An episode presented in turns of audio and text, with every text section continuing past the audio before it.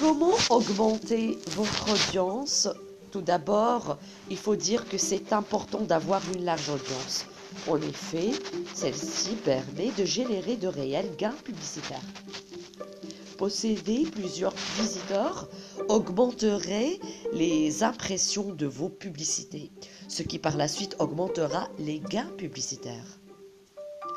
Nous avons déjà focus sur ce qui important, ce qui était important afin d'optimiser votre site et que pour vos visiteurs passent davantage de temps sur vos pages. Maintenant, il s'agit de s'intéresser en premier lieu à comment vous pouvez étendre l'audience qui visite votre site. Optimisez votre site pour attirer les visiteurs. Publiez un blog. Améliorez la vitesse de votre site et vous assurez que votre site soit assez de niche. En particulier, afin d'attirer de manière efficace les publicités, tous ces chemins sont les meilleurs moyens pour commencer à optimiser votre site. Il y a cependant d'autres moyens de vous assurer que votre site est entièrement optimisé. Par ailleurs, assurez-vous que vous utilisez les bons mots-clés SEO. En supposant que votre site respecte déjà les meilleures pratiques en matière de référencement, il est important de vérifier et d'optimiser les bons mots-clés. Si votre site web est axé sur la vente de stratégies de marketing, il pourrait ne pas être judicieux de créer des publications autour d'un mot-clé sans lien tel que Rosa Tige Dans ce cas de figure, vos visiteurs pourraient se rendre compte que votre site web dans son ensemble ne correspond pas à ce qu'ils cherchaient et pourraient partir.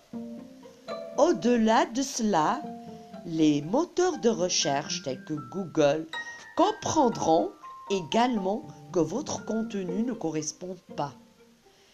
Il sera ainsi plus difficile de se classer parmi les meilleurs résultats de recherche.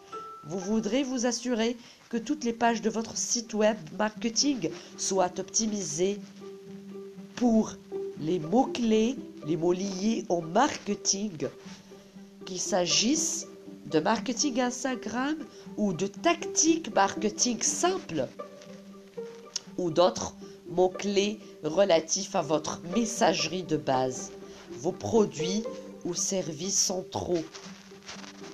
Utilisez les médias sociaux pour augmenter votre audience. Que vous souhaitiez utiliser des publications de réseaux sociaux organiques, non rémunérées ou de publicité payante, il n'est pas surprenant que le, recours aux médias sociaux soit un moyen essentiel de développer l'audience de votre site web. Créez un cadeau promotionnel, partagez un lien vers votre blog ou créez un lien vers votre page à propos de nous. Le marketing par les médias sociaux est un moyen important d'atteindre un public plus large, de créer une communauté et des relations et d'amener ses visiteurs, ses suiveurs sur votre site web. Veillez toutefois à choisir la meilleure plateforme pour votre entreprise. En effet, tous les marchés cibles ne sont pas présents et actifs sur toutes les plateformes sociales. Créez des liens internes pour vos visiteurs. Il existe plusieurs raisons pour lesquelles il est bon d'inclure des liens vers, d'autres pages de votre site dans les articles de blog et d'autres pages web. Tout d'abord, c'est bon pour le référencement naturel, comme j'ai dit. Des liens internes plus forts signifient que vous pourriez être mieux classé par les moteurs de recherche. Vous leur avez montré à eux ainsi qu'aux visiteurs que vos pages sont associées. L'utilisation des liens internes est également importante pour créer la meilleure expérience possible. En effet, plus vous leur fournissez d'informations utiles, plus elles resteront longtemps sur votre page et plus elles seront exposées à des annonces. Vous établirez également votre site comme utile et informatif en augmentant ainsi les chances de retour de vos visiteurs. L'augmentation de l'audience sera importante pour les sites web. Non seulement cela élargira l'audience qui connaît votre entreprise, votre produit ou votre service, mais cela augmentera également le nombre de personnes exposées aux annonces sur votre site. Cela signifie dans ce cas-là un meilleur revenu pour vous. Vous voulez monétiser votre site? Alors, vous pouvez le faire.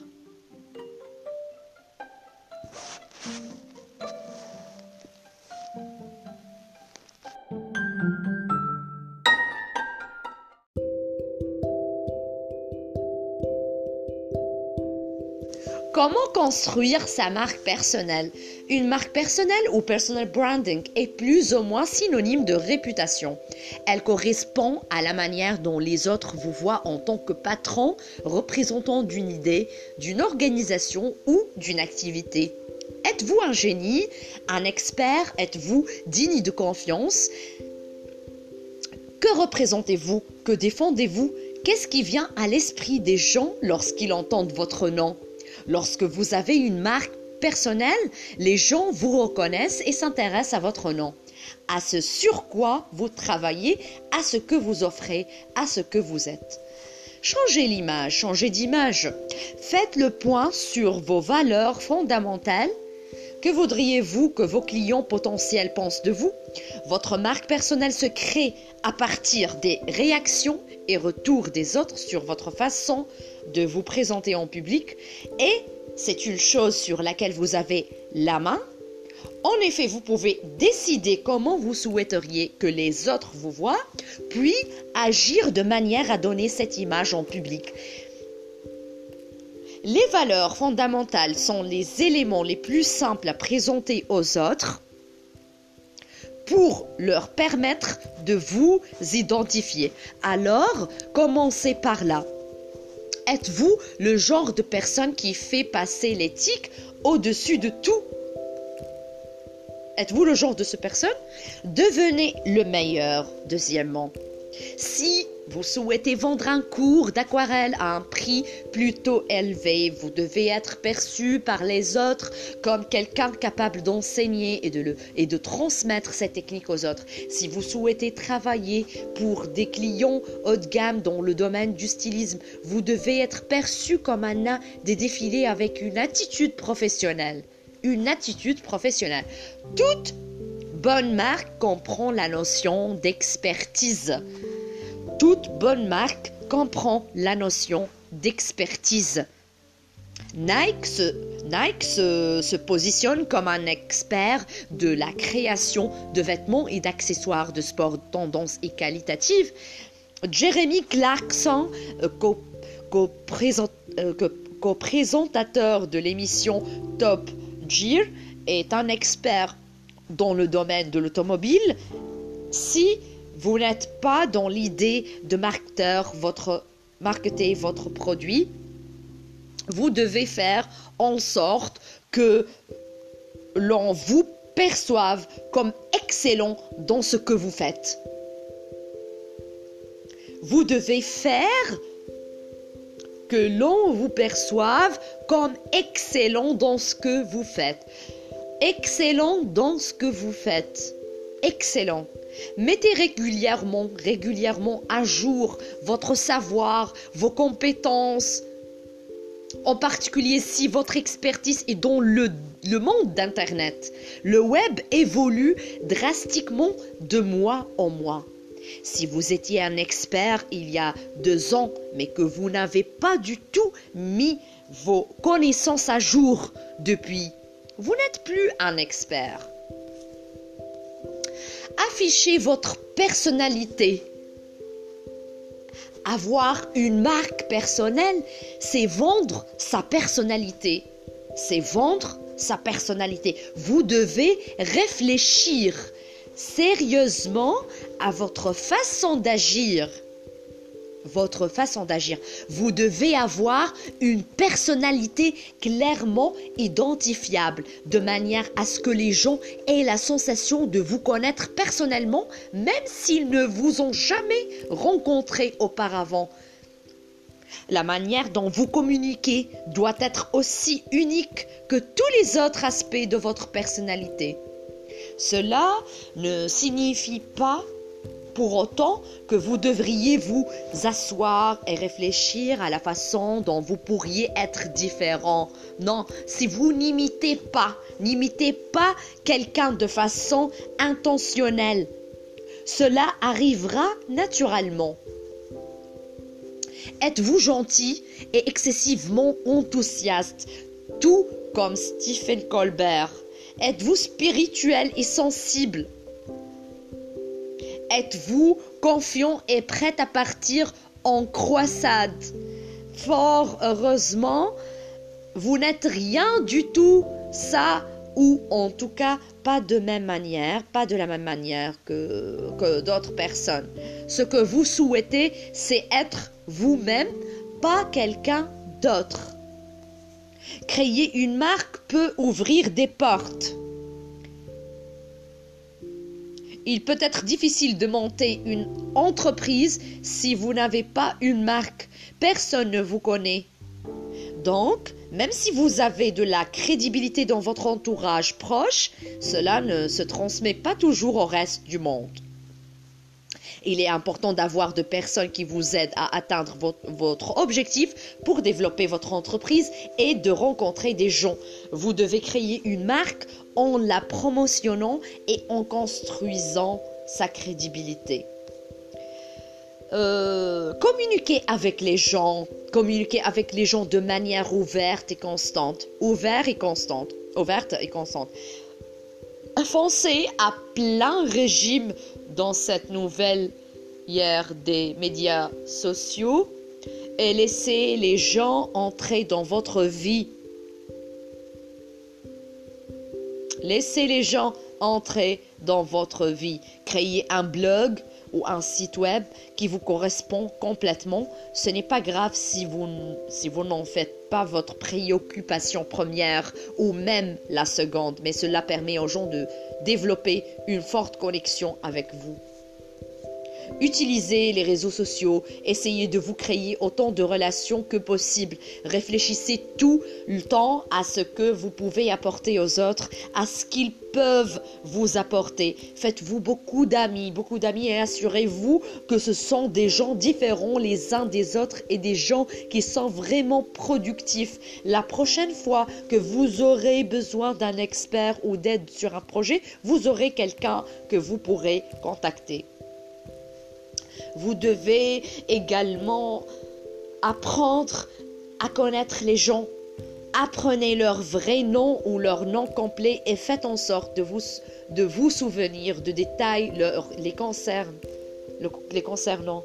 Cela changera la façon dont les gens vous voient et laissera une bonne impression aux personnes qui interagissent avec vous. Les gens vous verront comme quelqu'un d'amical et sérieux, qui se préoccupe vraiment d'eux. Ceux que vous connaissez le mieux et qui se sentent proches de vous parleront de vous aux autres. Et c'est ainsi que votre marque personnelle se, développera et se fortifiera.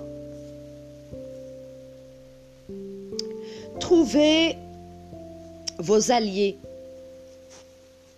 Cherchez les gens ayant une audience que vous souhaitez atteindre. Cherchez les gens qui ont une audience que vous souhaitez atteindre, les influenceurs et les gens connus. Ce que vous voulez, c'est être dans leur cercle proche. Commentez leurs parutions, suivez-les sur les médias sociaux, aidez-les s'ils vous le demandent. Et s'ils ont un post écrit par un, un invité, ce sera mieux, le mieux. Non seulement vous avez énormément à apprendre de ces gens, mais ce, ce sont aussi eux qui pourront vous donner de super témoignages lorsque vous lancerez votre produit, qui pourront tweeter vos liens à des milliers de followers et qui pourront partager avec vous les meilleures occasions.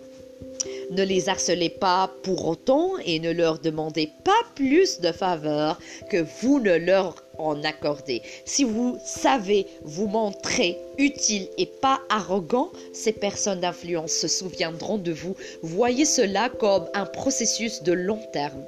Vous ne pouvez espérer devenir ami avec des personnes d'influence en une semaine, car cela prend des mois. Essayez de communiquer par des moyens non intrusifs. Ne posez pas de questions en commentaire d'un blog. Faites-le par email ou avec Twitter. Communiquez même quand vous ne communiquez pas. Si vous n'avez le temps de répondre qu'à un quart de vos, de vos emails, pourquoi ne pas le mentionner en vous en, en excusant sur votre page contact? Dans ce genre de situation, la plus grande source de sentiments négatifs est la déception. Si vous mentionnez clairement que vous avez l'intention de vous comporter d'une certaine manière, les gens ne pourront pas vraiment être déçus lorsque ce sera le cas. Faites une liste de questions et réponses sur votre site couvrant les sujets les plus couramment abordés et les questions que l'on vous pose. Voilà, sur une liste. Vous allez faire une liste de questions et réponses euh, sur les sujets euh, les plus abordés, euh, sur les questions couramment posées, etc. Faites-vous voir. Il faut que les gens aient le sentiment de vous connaître en particulier si votre présence sur la toile est votre activité principale, afin qu'il ait la sensation de vous connaître, il faut qu'il puisse vous voir. Cela signifie photo et si possible vidéo. Faites-vous faire des photos portraits de qualité professionnelle pour votre site internet. Faites également des photos de vous en mouvement, en train de faire ce que vous faites de mieux. Faites des vidéos YouTube dans lesquelles vous présentez vos principaux talents ou dans lesquelles vous montrez aux gens ce, ce sur quoi vous êtes en train de travailler. Cela vous permettra d'entrer dans l'espace personnel des gens. Se promouvoir. Ayez un site internet.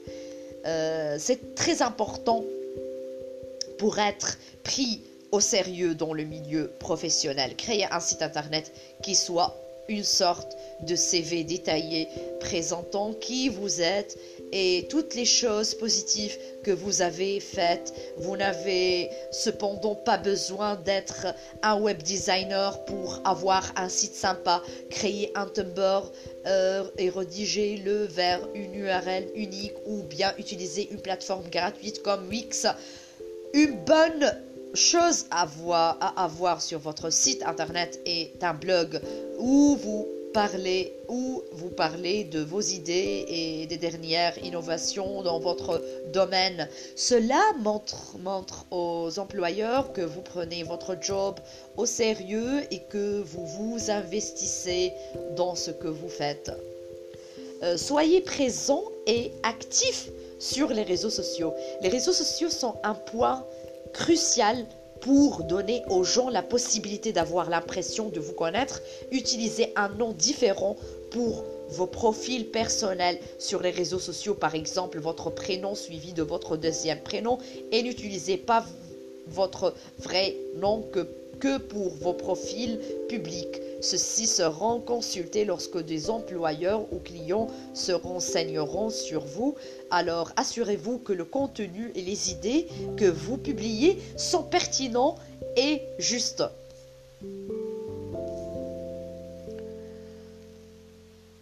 Créez, créez-vous une carte de visite unique?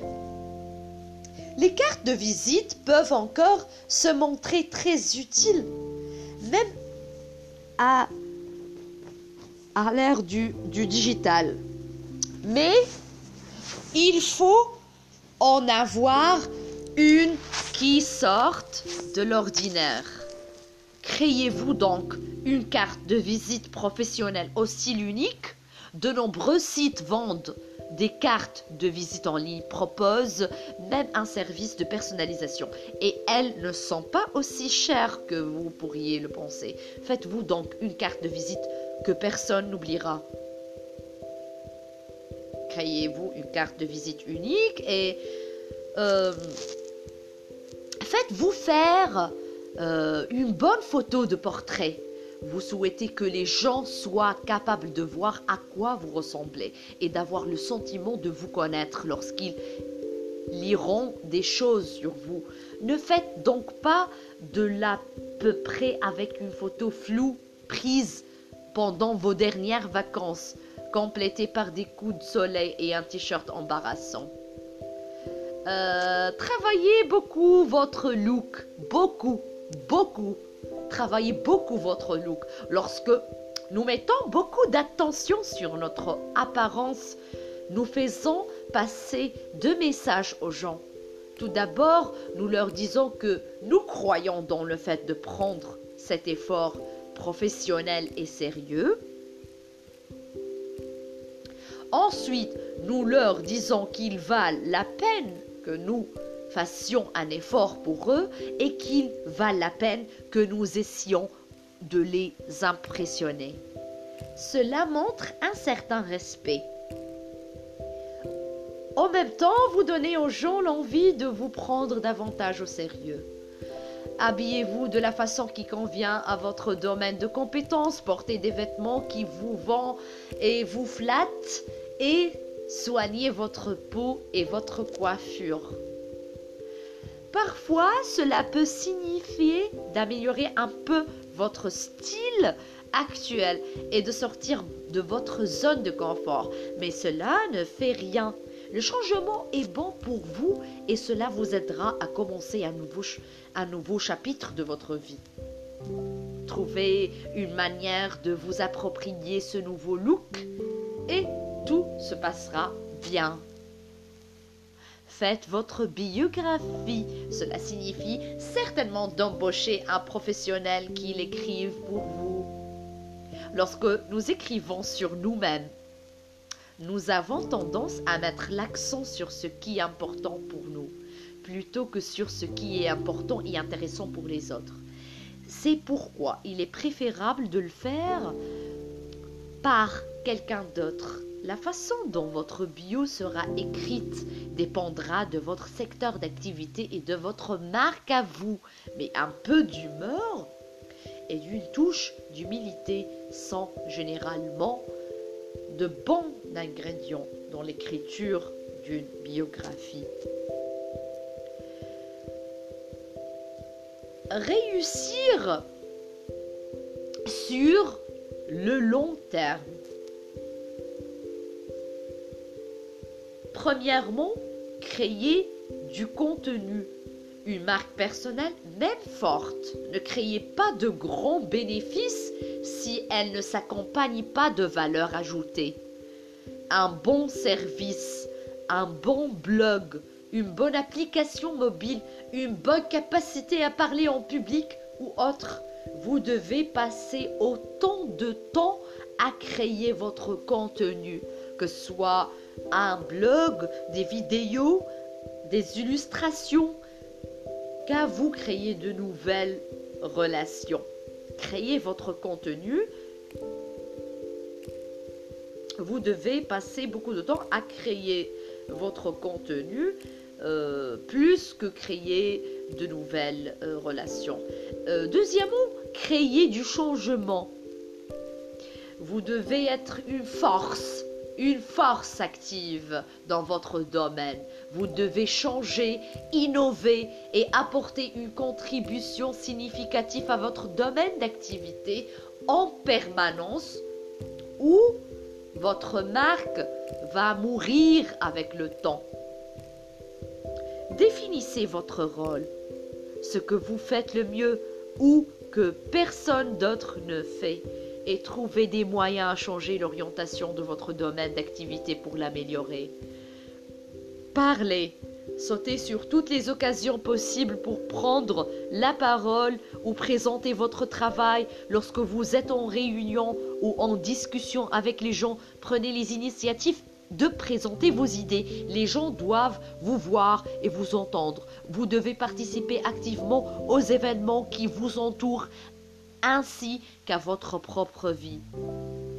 Assurez-vous simplement de prendre en compte l'opinion des autres et de la leur demander. Les gens doivent avoir le sentiment qu'ils font partie de votre succès. Ils font partie de votre succès. Gardez quatrièmement, gardez votre marque à jour. Vous ne voudriez pas que les gens vous voient comme veilleux, ennuyeux, répétitif ou sans lendemain. Même si votre contenu est très bon, vous aurez l'air dépassé ou répétitif si vous ne continuez pas à apporter de nouveaux éléments à votre marque ou à accepter de nouveaux challenges. Vous ne pouvez surfer indéfiniment sur une seule idée. Ajoutez continuellement de nouveaux éléments à ce que vous représentez. Voyez les choses à long terme. Voyez les choses à long terme.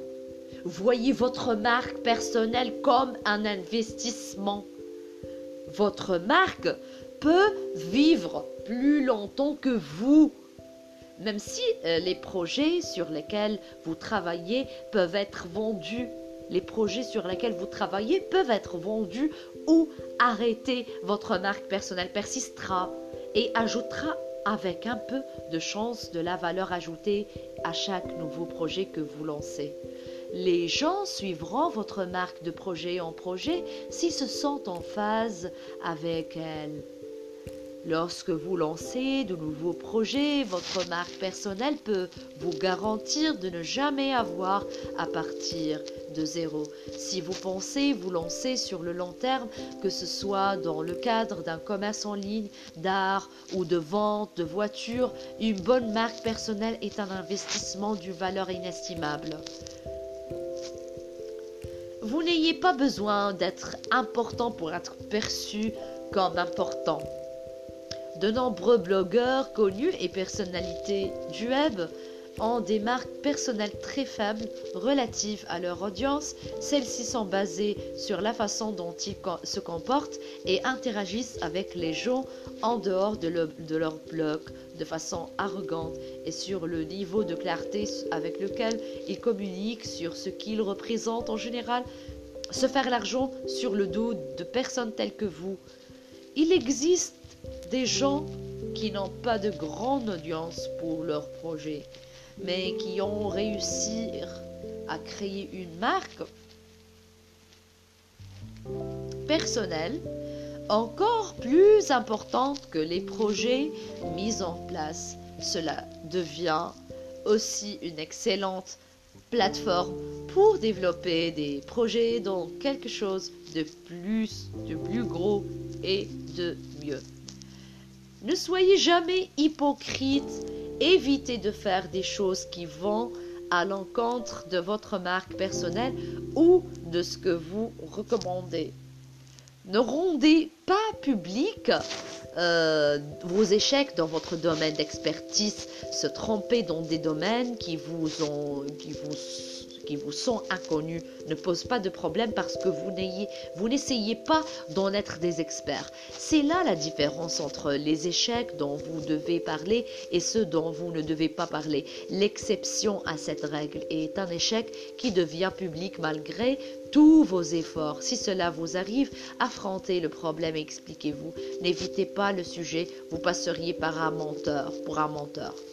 Il est préférable que les gens apprennent vos échecs par vous directement plutôt que par quelqu'un qui ne leur est pas du tout sympathique.